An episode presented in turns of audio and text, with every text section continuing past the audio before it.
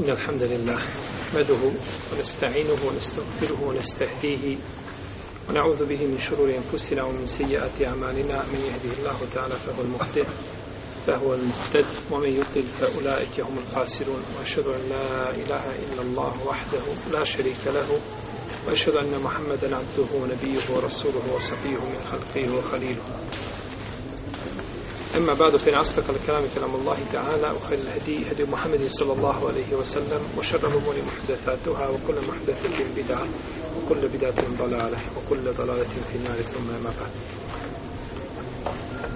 Došli smo do poglavlja umre. Umra u jezičkom, lingvističkom značenju označava posjetu.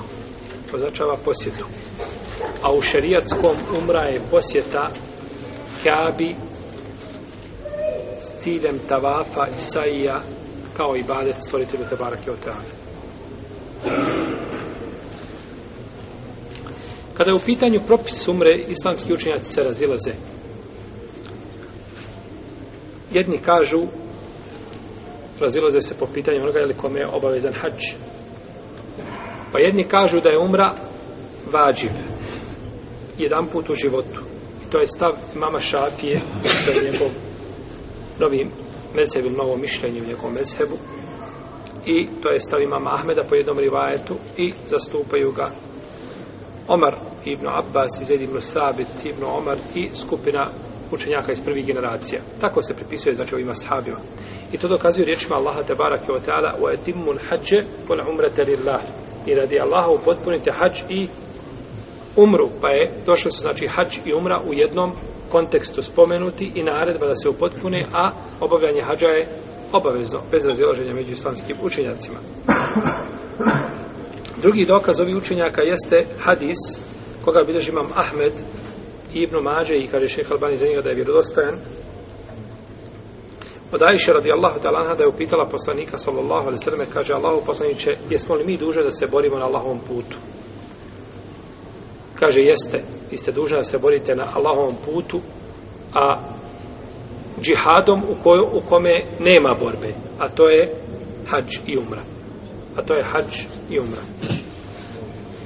Pa ovdje se kaže a, hel alen nisa, da li su žene obavezne džihadom? Obavezne, pa ukazuje znači da je obavljanje umre i hađa, znači obavezno.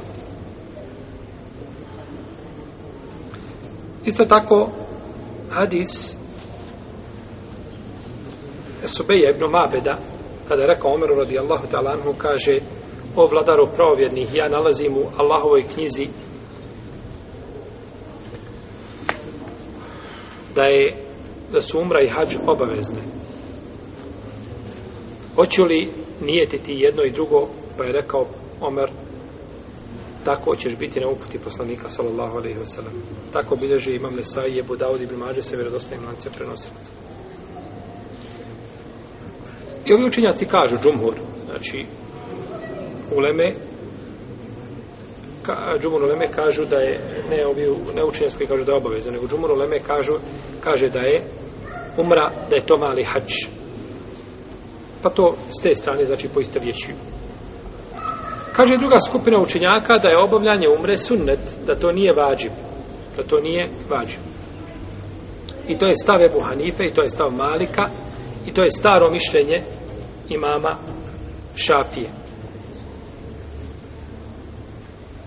I zastupa ga Ibn Mesud i odabrao ga je šeho Islam Ibn Taymi.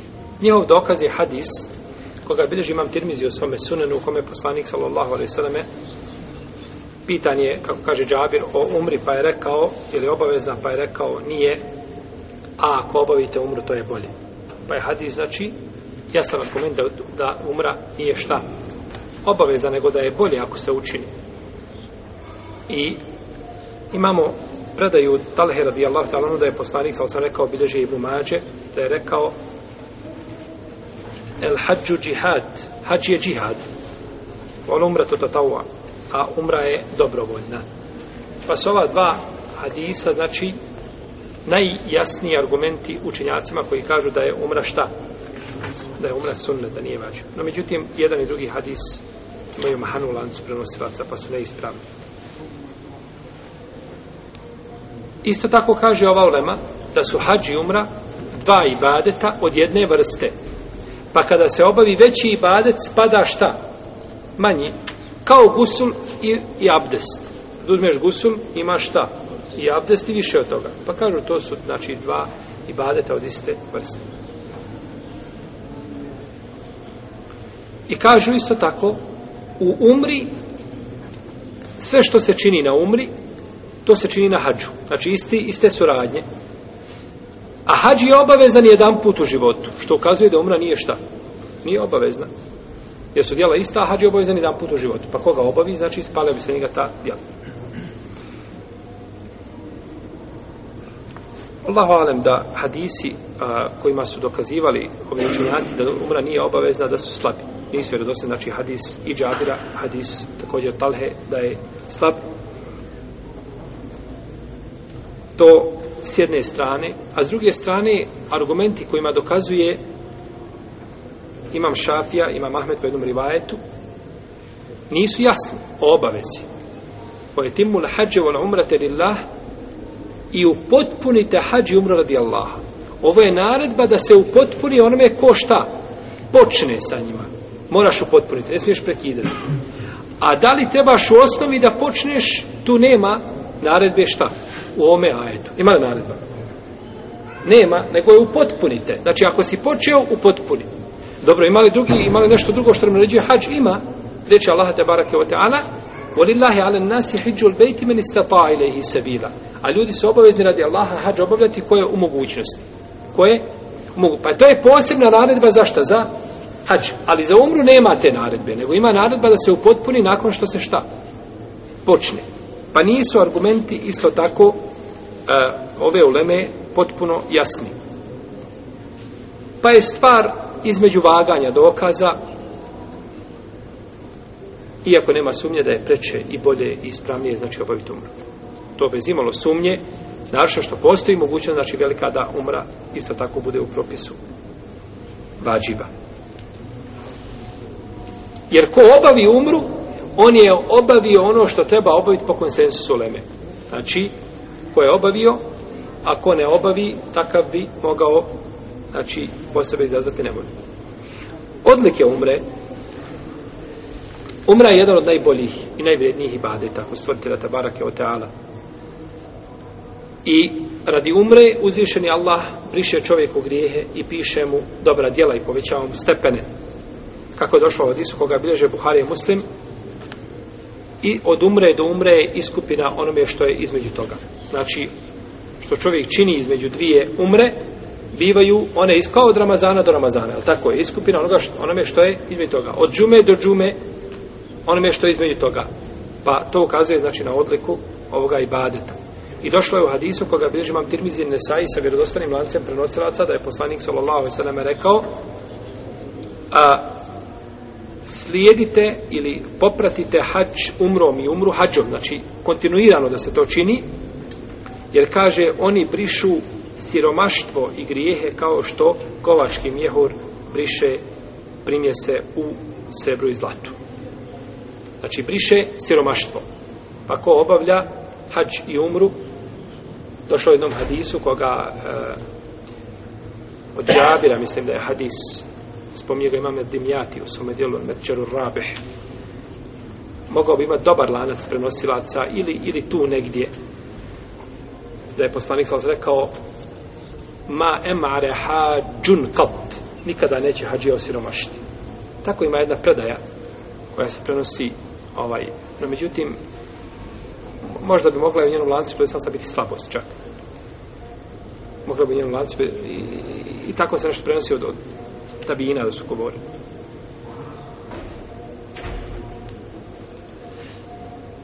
i obavio je poslanik sa osaleme umru sa svojim ashabima i obavljali su ashabi nakon njega, ali se o to je samom umru. Vrijeme umre. Dozvoljeno je obaviti umru bilo koje doba godine. Kada god čovjek želi da to obavi, dozvoljeno je kod džumhura islamskih učenjaka, jedino što smatraju da je umra u Ramazanu bolja od umre mimo Ramazana. Jer je poslanik sa osam rekao, umra u Ramazanu je ista kao hađ sa mnom znači ko obavi umru Ramazanu kao da je obavio hađi sa poslanikom sallallahu alaihi wa alaihi wa ovo je shodno nagradi što ne znači da kada bi obavio umru Ramazanu da time a, pada obaveza hađa ne nikako obaveza znači ostaje dok se ne obavi dozvoljeno je čovjeku također da obavi umru prije hađa ko nije obavio hađ da ode prije toga na umru pa da opet čeka da sakupi pare za hađ nema smetnje nikakve u tome Ikrim ibn Khalid kaže, pitao sam ibn Omara o obavljanju umre prije hađa, pa je rekao, nema u tome smetnje. Potom je rekao, poslanik sa osreme je obavio umru prije hađa. Obavio poslanik sa osreme, koliko umri? Četiri umri, sve su bile prije čega? Prije hađa. Obavio poslanik sa osreme, četiri umre, sve su bile prije hađa.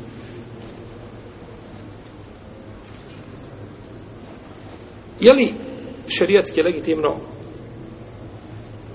ponavljanje umre više puta. Ovo pitanje možemo gledati sa dva aspekta. Prvo aspekt da je to ponavljanje umre u toku jedne godine sa više putovanja. Znači svaki put kada ideš, kreneš iz Istambula za Meku, jel u redu? Živiš u Istambulu, ideš u Meku, ovojiš umru i vratiš se u Istambul. I nakon dva mjeseca opet ideš, i nakon tri mjeseca opet, i nakon četiri mjeseca opet ideš, znači, od svoje kuće do Meke. Ovdje se ulema razilazi na dva mišljenja. Imamo prvo mišljenje da je to mekru. I to je mišljenje Hasan al-Basrija ibn Sirina i Nehaja i imama Malika i to je odobro šehr Islam ibn Tejmije. Ovi učenjaci kažu da je putovati više puta u jednoj godini umru mekru. U jednoj godini na umru mekru.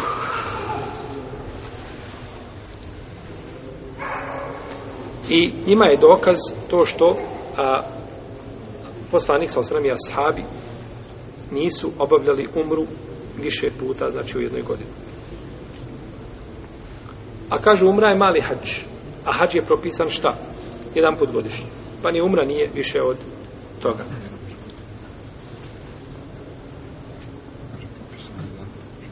Mi govorimo o hađu jedan put u godini.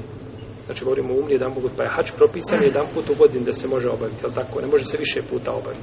To mi je cilj, nije cilj da govorimo o Znači, hađ je propisan jedan put da se može obaviti u godinu. Pa isto tako onda i umra, budući da umra šta mali hađ. A to da je u životu jedan put propisan svakako. Drugo mišljenje je da je to džaiz, da je mustahab, znači da se više puta, i to je stav džumhura, da se više puta obavi umra u jednoj godini. I tako kaže isto Ata i Tausi, kaže Ikrime i Šafija i Imam Ahmed, i prenosi se od ashaba, I navodi se da Aisha obavila jednu umru, dvije umre u jednom mjesecu. Spomenut ćemo to. Isto tako dokazuje to hadisom između od umre do umre briše se ono što je između njih. I navodi Aisha od Jelotana da je poslanik sa svema obavio umru u Zulqadetu i umru u Ševalu. Iako šeho sa Ibn Kajim kaže u svome djelu Tehzibu Sunan, da poslanik sa osam nikad nije obavio umruševa. Kažu, to je greška od ravi. Allahu alem, ovdje se, znači, ulema razilazi, ali postoji, znači, a mogućnost da je mišljenje džumhura ovdje jače. Mišljenje džumhura jače da umra i badet, nema smetnje da čovjek odlazi, znači ako ima mogućnost, naročito ako je to čovjeku potrebno, čovjek ponekad napuni se grijeha ili tako, grijeha, koliko udisaja, izdisaja svaki dan i onda nakon toga dobro dođe jedna umra ili za osvježenje čovjeku pa ga to jedno vrijeme drži pa ponovo kada osta, osti da je iman pao da ponovo ode na umru sve je to hajr i bereket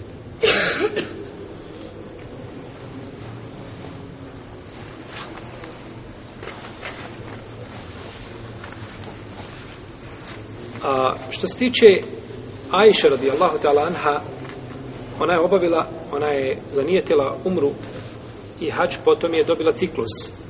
Pa nije mogla obaviti, pa je onda naredio poslanik sa osvijem da spoji šta? Da čini da bude ovaj kar, da bude mu karina, jeli, da bude da, da obavi kar.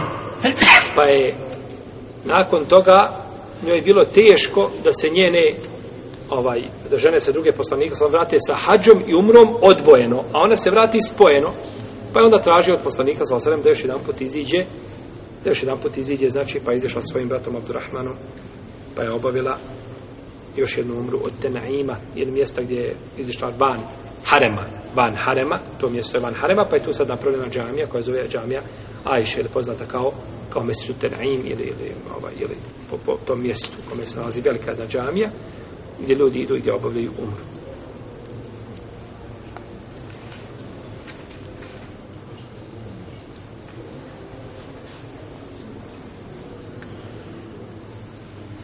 Ovdje imamo pitanje, znači kada čovjek odlazi na umru, šta? Sa više putovanja. Svaki put kada ide novo putovanje. Zašto kažem novo putovanje? Zato što ima druga mogućnost, a to je da dođeš u Meku i da obaviš hađi umru, na primjer, jel? I, jel obaviš umru. I nakon toga iziješ do Tenaima i kod mjeseči do Ajše obuče, u mjeseči do Ajše obučeš i hrame, zanitiš umru i ponovo dolaziš. I tako ideš od mjeseči do, do, ne znam koliko ima, sjeta kilometara ili steče tome ili više ili manje i obavljaju se onda po 5, 6, 7 umri. Ja sam bio jedne prilike, jedan naš profesor o, arapski jezik nam je predavao, on je pobavio 7 umri u jedan put. To nije legitimno. Legitimno je da čovjek obavi jednu umru. Da jedno putovanje bude sa jednom umrom. A ko bude u propisu Ajše, onda nema smetnje šta da obavi kao što ona obavila. Tako bi, na takav način uskladili sve argumente. No, međutim, da muškarci odlaze na Tenaim, pa da se vraćaju, pa odlaze, pa se vraćaju,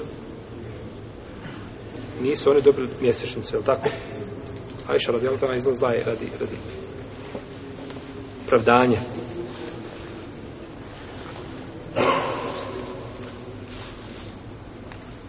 Ruknovi umre.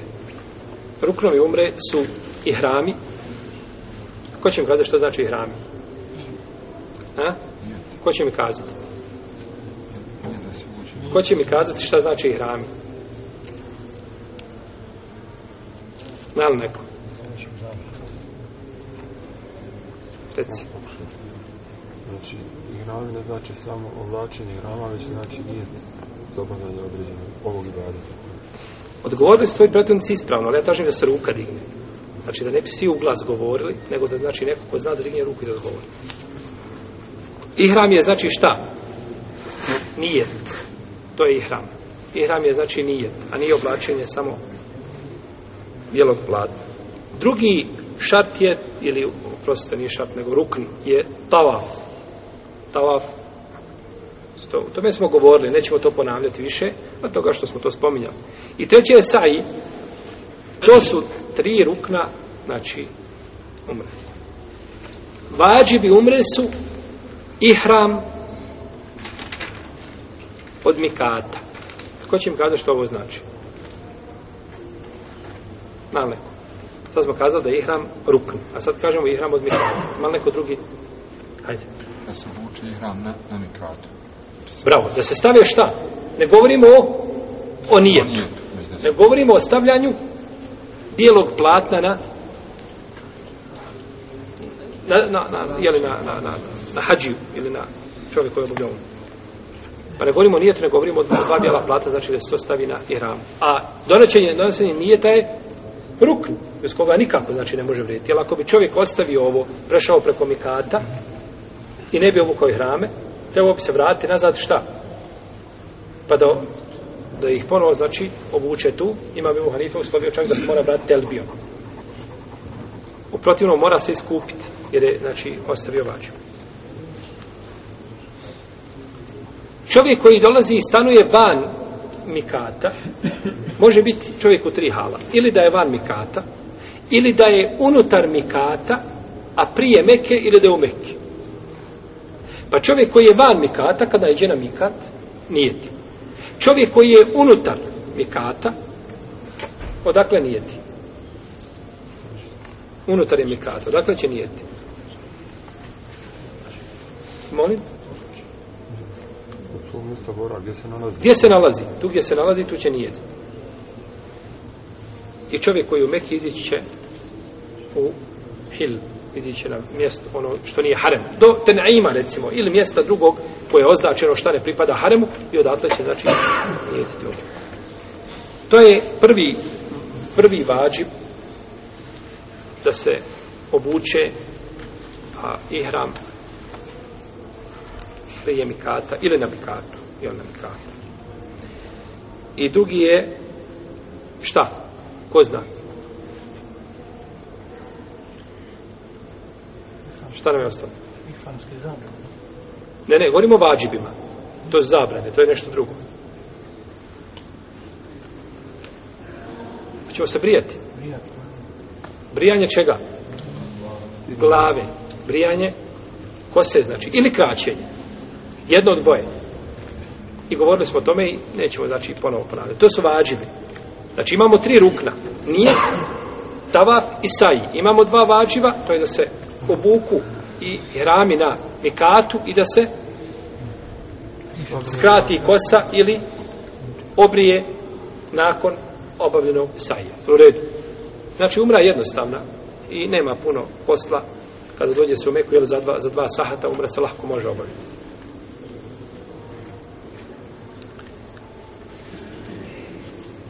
Medina poslanika, sa osam vrijednosti Medine, kazat ćemo nešto o samoj Medini i onome što se veže za njih, zato što govorimo o, jeli, o hađu, a posjeta Medine je pohvalna kada čovjek obavlja hađ. Postoje brojna dijela ovaj, koja govore o odlikama Medine, ma čak doktorska disertacija ima možda 700-800 stranica, sva je odlikama Medine. Znači, autor je sakupio u njoj ovaj mislim oko 300 hadisa, ali preko toga koji govore o odlikama Medine, mnogi su daif, drugi su vjerodostojni. I to je jedno jako vrijedno i lijepo djelo koje je pohvalio hadis Abdul Muhsin Al-Abbad.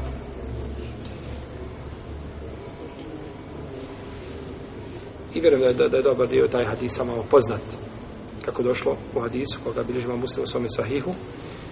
Debu Hrire da je poslanik sa osvijem rekao Medina je kao kovački mjehur, tjera nečist iz sebe. Neće nastupiti sunji dan, a da Medina ne otjera iz, znači, iz, iz Medine ne iziđu najgora stvorenja, kao što kovački mjehur čisti primje se željeza. Što se tiče mesčida samog poslanikove samosvrme džamije,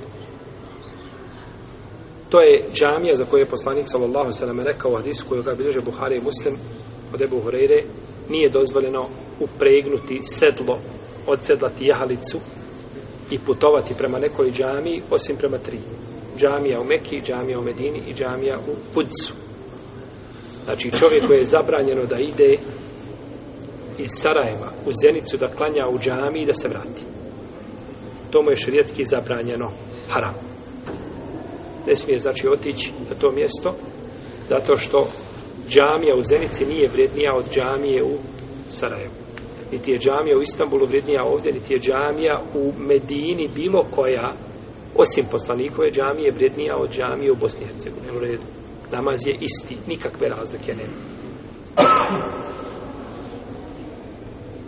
a ovaj, ovi mjeseče imaju posebnu vrijednost.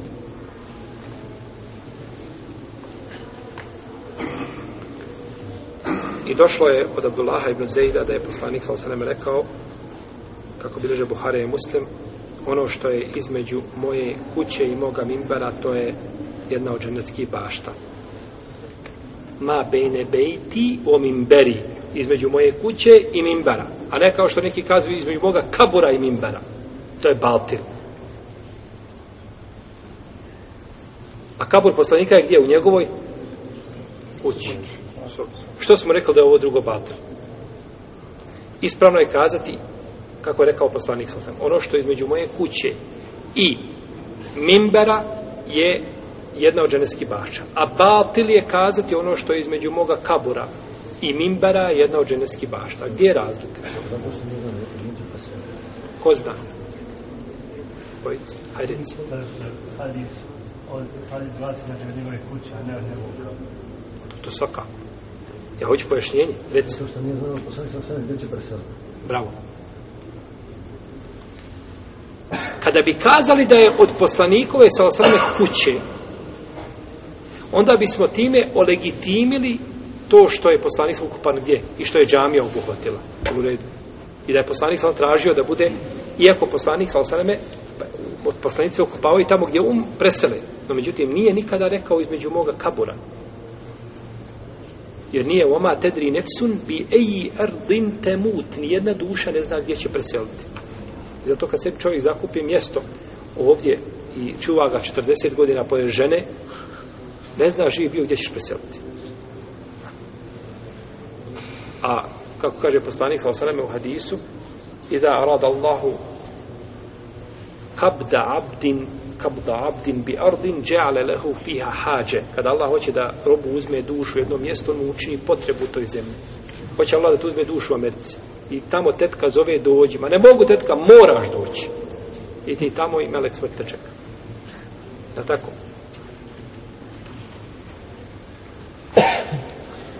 Pa nije poslanik sa osram rekao između moga kabura, nego kaže između moje kuće. Pa je to što je poslanikom sa svem kabur sada u džami, je to ispravno ili neispravno? Neispravno. Neispravno, naravno da neispravno. Nije neispravno što mi kažemo, nego što je poslanik sa svem to zabranio i to rekao. A međutim, ljudi koji su proširivali mesečid u to vrijeme, nije bilo ashaba u Medini, pa su nakon toga obuhvatili kabur džamiju. Pa je to ostalo do današnjih dana, ovaj, a nije to poslanik sa svem dozvolio.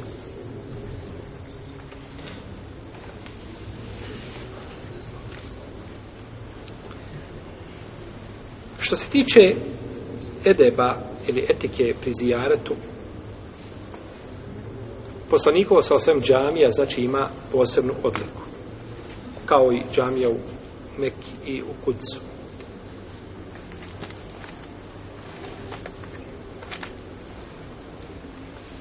No međutim, ove džamije nemaju posebnu nekakvu etiku, da kažemo striktno koje se čovjek mora držati ili kada posjećuje ove džamije ljudi misle da ima i pri tome ovaj radi određene stvari, a to ne bi činili da nema kabura poslanika sa osvim u toj džami. Ne bi tako činili. Nego je kabur taj koji čini, znači da ljudi tu čine prijestupe, znači i širk koji se tu može vidjeti pored kabura, ne može se vidjeti nigdje drugo. Kakav ljudi znači čine? Od upućivanja do ova poslaniku, sallallahu alaihi wasallam, i slični stvari, što je šerijatski, znači, najstrože zabranjeno.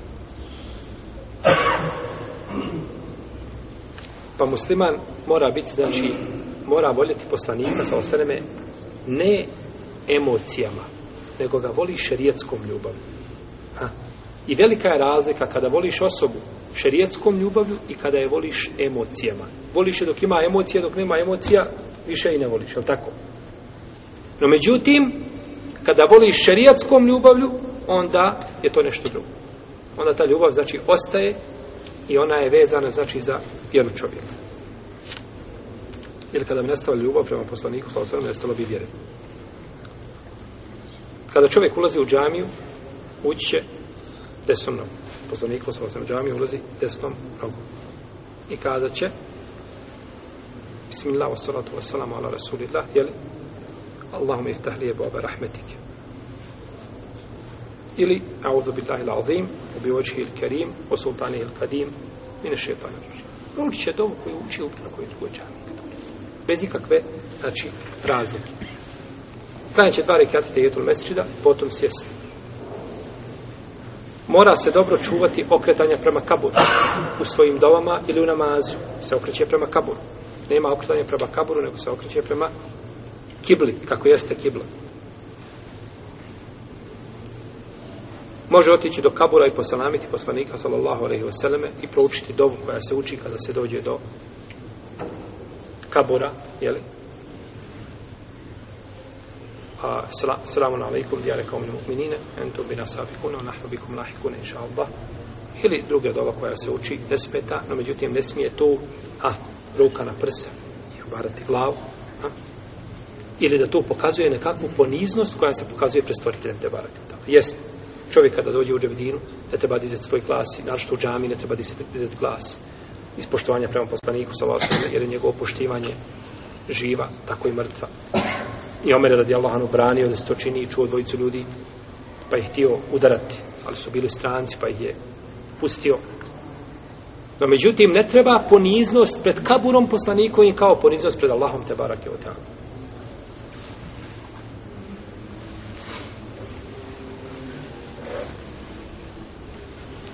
kažu vi vehabije ne volite poslanika dok tako radite ne volite vi da volite pegambara vi biste kazali da se može otići poslije njegovog kabur ne kažemo ne može ne smije čovjek ići posjećivati kabur nego ide posjećivati džamiju a kabur posjeti usput tako nas je poučio poslanik sallallahu alejhi ve tako kada jedan rekao kaže ja sam usnio kaže u snu poslanika da je rekao sutra se mora postiti bio je dan su ono, ljudi sumnjali, je mu šek, je mu za... Sjećam se kad smo govorili o Ramazanu, je mu šek. Kaže, ja sam usnio da, da mi je poslanik rekao da sutra se mora postiti. Kaže mu, drugi, nama je poslanik na javi rekao da ne smijemo postiti. Ti si usnio, a nama je rekao na javi da ne smijemo. A s to mi nikada nisi bil dobro za šarijetu. Ja. Tako da, mi ne govorimo ovo što govorimo zato što ovaj, nego poslanika volimo ne emotivnom ljubavom, ne kakvom. Tu je razlika emocijama, kad ga voliš napraviti ćeš hiljadu prestupa zato što te emocije tako tjeruju da bi ti pokazao nekako poštovanje prema njemu. Jel u redu? Pa emocijama ćeš mu učiniti seđdu i ruku mu učiniti. Da tako, nakloniti se toliko da ruku mu učiniš. A to nećeš nikada učiniti kada to činiš šerijatski. Jer šerijatska ljubav se razlikuje od emotivne. I tako će isto poselamiti Ebu Bekra i Omara radijallahu ta'ala anhumu. Kazali smo nije od adaba da diže glas u džamiji poslanika sallallahu alaihi vseleme i neka gleda čovjek da kad dođe u džamiju da bude što bliže znači prvom safu. Ljudi ulaze i odmah se tu safaju gdje jesu. A kada prođeš po džamiju i malo prođeš napolje vidjet ćete prazni za ovoliko koliko 5-6 ovih džamija na praznog prostora. Desetine i desetine safa mogu stati, a ljudi se na kraju safaju kako ulaze, tako staje da je bliže vrata, što prije po selami da može napolje što prije ne treba ići znači prije jer su safovi vredniji što su bliži prvom safu.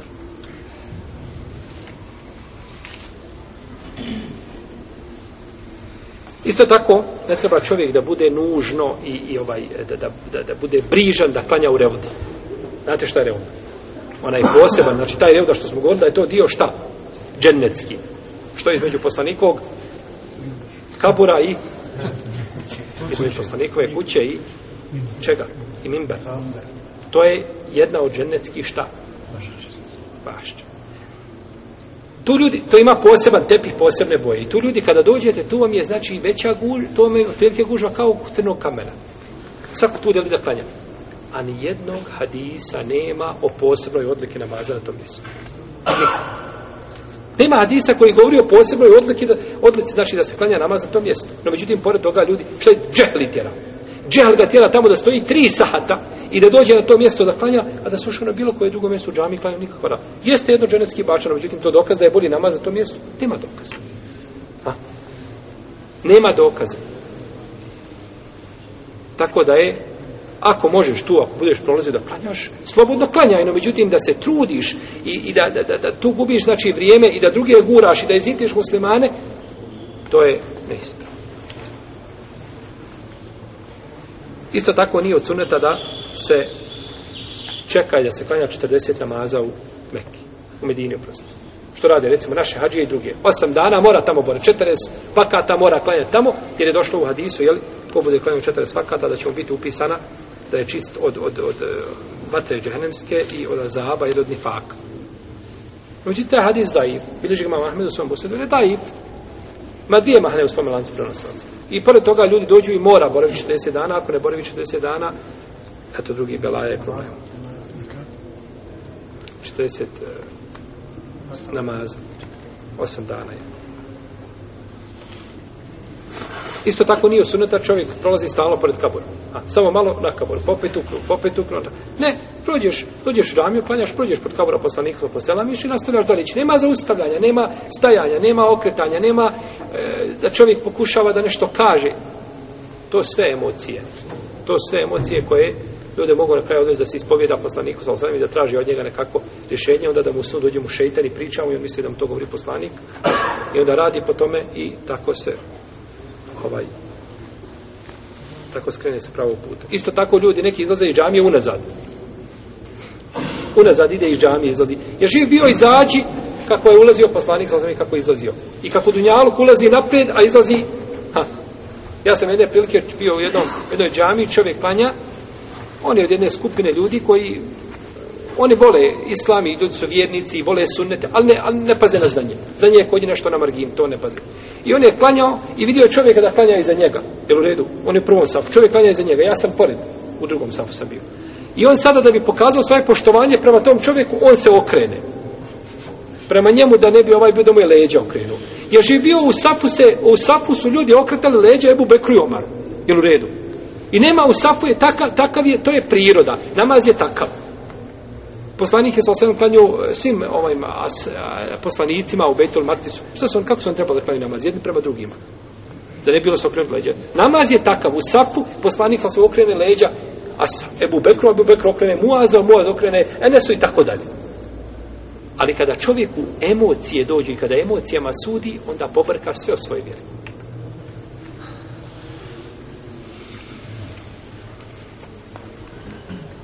Neko, Znači, izlazi se iz džamije kako se izlazi iz bilo koje druge džamije.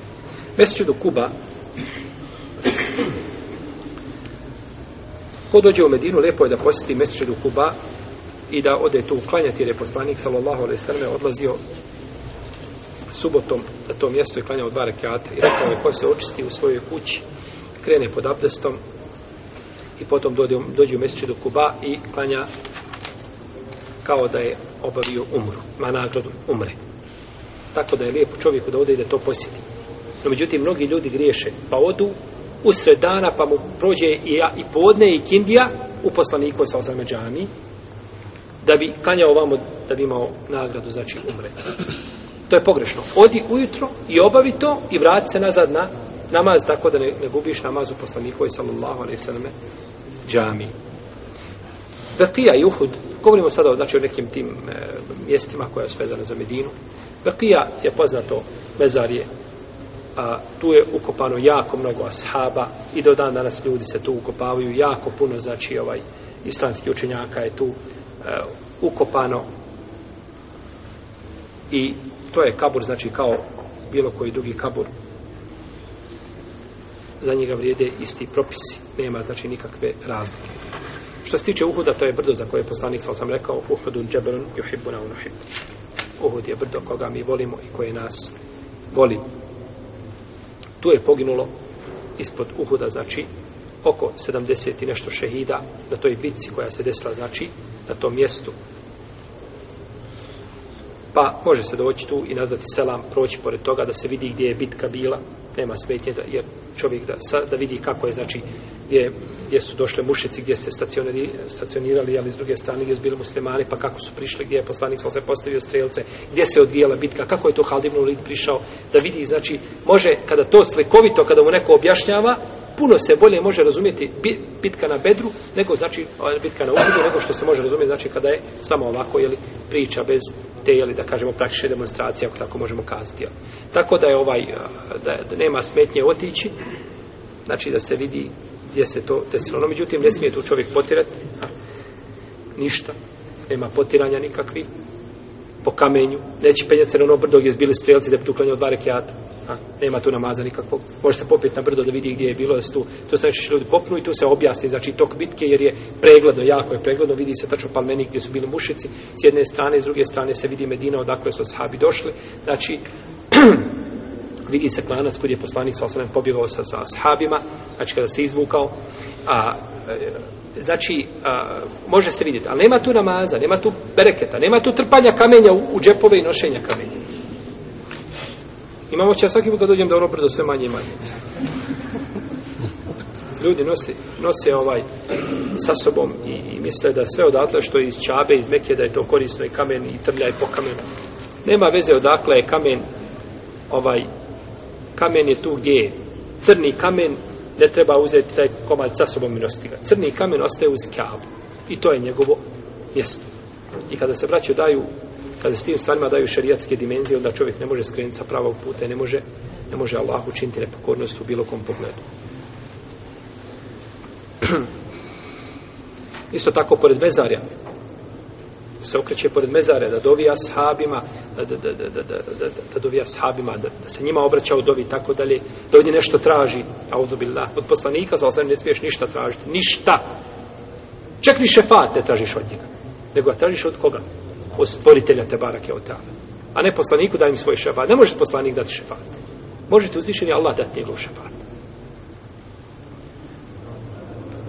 A i sve kada bi ti mogao dati šefat, kome je preče da se obraćaš? Hajmo uzeti dunjalučki, ne menimo stvoritela ničim. Ničim ne poredimo. Uzmite, imate poslovođu, imate šep. I poslovođa ti može nešto dati, a može šep. Poslovođa ti može dati, no međutim, je li ta njegova odluka kao šefova? Nikada. A ne poredimo stvoritelja ničim azeođel. Kada bi mogao poslanik da ti dati sam zanje šefat, onda je preći opet da se obratiš stvoritelju koji je živ, a poslanik, lalzaneme, je napustio ovaj svijet pa je treće čovjek da se obraća, a kako onda kada ti ne može poslanik sa to dati i to nije znači u njegovoj ruci ovaj kao što kažu oni koji su skrenuli sa dina poslanik poslanikovog sa osrme kada uzvišeni Allah na sudnjem danu presudi ljudima da idu u džehennem, ali ja će biti na vratima džehennema i kaže ne, nazad u džennetu tako otpadne presuda stvoritelja, a prihvati se presuda Alije.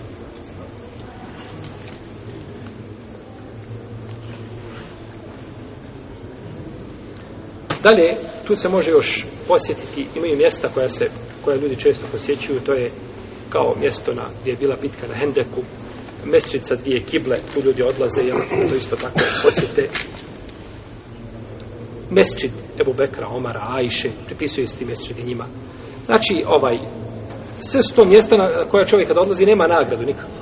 Ako usput prođe kada posjećuje Uhud, ide na Kuba, ako prođe usput da vidi i da se kaže to je ta mjeseče, tu se desilo to i to, ovdje se negdje u tom predru se desila bitka na Hendeku, ili je trebala biti bitka na Hendeku, tu je negdje bio kanal i tako dalje, ne smeta. No međutim, da ide posebno čovjek tamo i da se tu, znači, ovaj, zaustavlja i da to, znači, nije od sunneta. Hmm.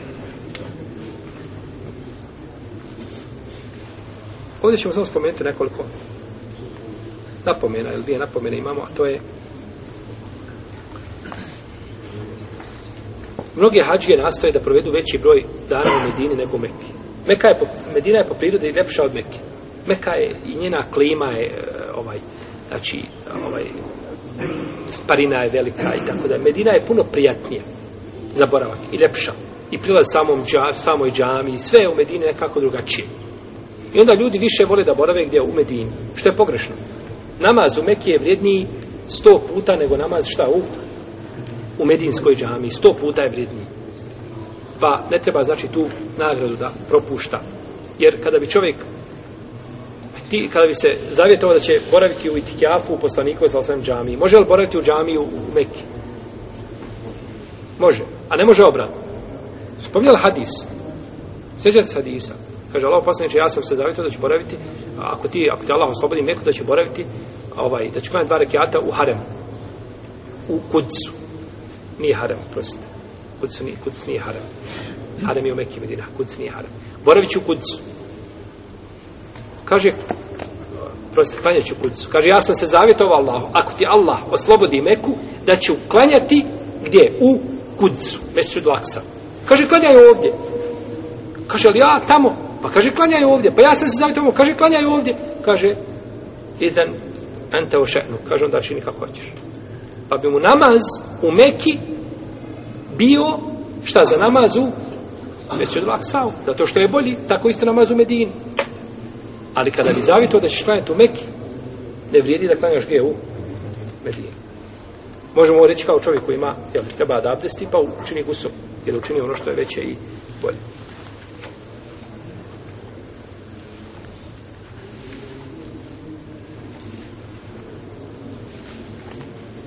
pa treba znači više vremena da boravi u Mekki po mogućnosti nego u Medini. Dalje, drugo, e, mnoge hađije smatraju da je posjeta Medini sastavni dio hađa. Da je sastavni dio hađa, čak da bi mogao hađom biti i da ne bude Kabul ako nije došao u Medinu. Što je pogrešno? Medina ništa nema sa hađom. Hađskim obredima Medina nije rukn, posjeta Medina nije rukn od hađa. Čak nije ni vađiv. Sunnet mustahab je lijepo da dođeš. Ali znači nema ništa sa... Jer hađi je od osmog do kog? Do 13. Zulhidžeta, ali tako? Mimo toga, nema hađa. Pa dolazak u Meku i ovu Medinu prije ili posle toga nije sastavni dio hađa. Što se tiče stvari koje je zabranjeno da se čine u dva harema, mislimo na zonu koja je šta sveta koja je zabranjeno znači da se čine određene stvari, došla je u dva sahiha, da je poslanik sallallahu alejhi ve sellem rekao Ibrahim alejhi selam je učinio Meku svetom i dovio je Meki, a ja činim Medinu svetom kao što je učinio Ibrahim pre. Pa je Meka i Medina su dva harema po Allahovoj odredbi, te barak je oteala. I zato se kaže, za kud se kaže da je treći harem, što je pogrešno. Pogrešno je kazati da je kud treći harem. Jer da bi došlo, da bi kazali da je kud treći harem, moramo šta kazati? Moramo imati argument. Jel u redu? Moramo imati argument. A ne postoji argument koji ukazuje znači da je kuc. Ili ono kuca da je harem. Pored toga što ima vrijednost posebnu taj namaz za 500 namaza ili po drugoj predaji 250 znači nije harem. Isto tako a, Mesrid Ibrahima, Halila nije harem, niti bilo šta drugo na ovom mjestu.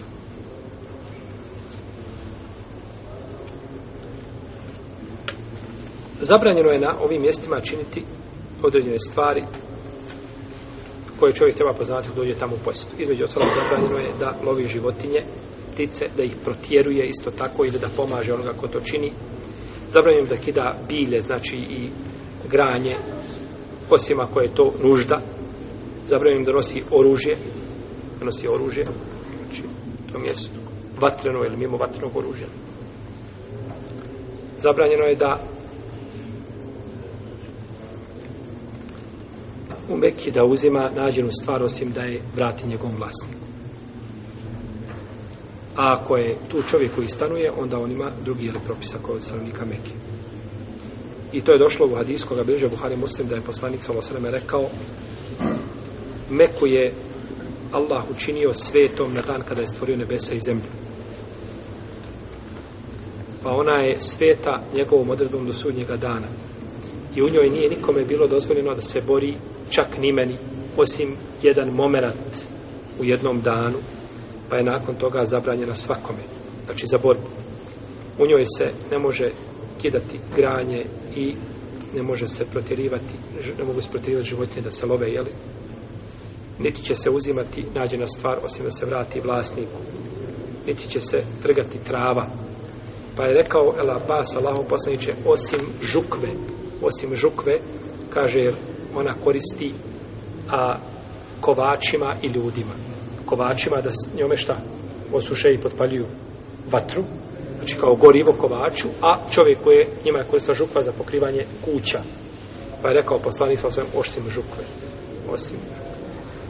I rekao je poslanik sallallahu alaihi sallame u hadisu džabira koga bilježima muslim kaže nije halal nikome, nije dozvoljeno nikome da nosi da nosi oružje u Mekki. I došlo je od Ali radijallahu ta'ala anhu predik u bilježi Budavudi koja je vjerodostojna kada je poslanik sa osvom pitanom Medini rekao je neće se trgati njena trava i neće se a, loviti životinje i neće se uzimati nađena stvar osim onaj ko želi da oglasi tu stvar i da je vrati njenom vlasniku i neće nositi oružje niti će se boriti neće nositi oružje za borbu znači u Medini niti će kidati drveće, osim od drveća lišće koje je potrebno da nahrani svoju jahalicu. Znači ono što je nužno. Pa ako uradi nešto od ovih stvari koje su zabranjene, učinio je grijeh, mora se pokajati, mora na Allah isti para tražiti. Osim onoga ko ubije životinju. Takav mora pored isti para šta? Zakljuti životinju koja liči njoj o kome smo, jel, čemu smo reći, govorili. I ovim smo završili hađ i umru. Time smo završili i opredoslovlja. Završili smo, znači, taharet, namaz, post, zekijat i hađ. Nakon toga nam slijedi poglavlje zakljetve i zavjeta. Molim Allah, te barak je otala da ovo što smo kazali ovih proteklih nepunih pet godina bude dokaz nama, a ne protiv nas. Nama i da ovo znanje koje učimo bude radi njegovog lica, njegovog zadovoljstva i da ove ovdje halke ne budu ni zbog čega drugog, nego s ciljem i namjerom da udovolimo naše stvari za ovo da se poučimo svoj vjeri da je možemo ispravno praktikovati. I neka niko braćo ne pomisli ovo što govorimo i što čujemo da je nešto puno čuo ili naučio. Znači sve ovo što smo kazali, ako je neko slučajno sve na pamet naučio, ako je, neka ne pomisli da je nešto naučio neka ne pomisle nikako da je nešto naučio. Jer ono što smo kazali, ne znam da li se može ikako u procentima izraziti što smo mi kazali. To je kao kap da si uzeo iglu, umočio u more, izvedio je ostalo malo vlažna igla. To je to, ništa više od toga. Može samo biti manje. Da ne bi neko pomislio, mašala, sad sam i taharet, i namaz, i post, i zekijat, ja, sve smo to prešli. Nisi ništa prešao. Da drugi put kreneš,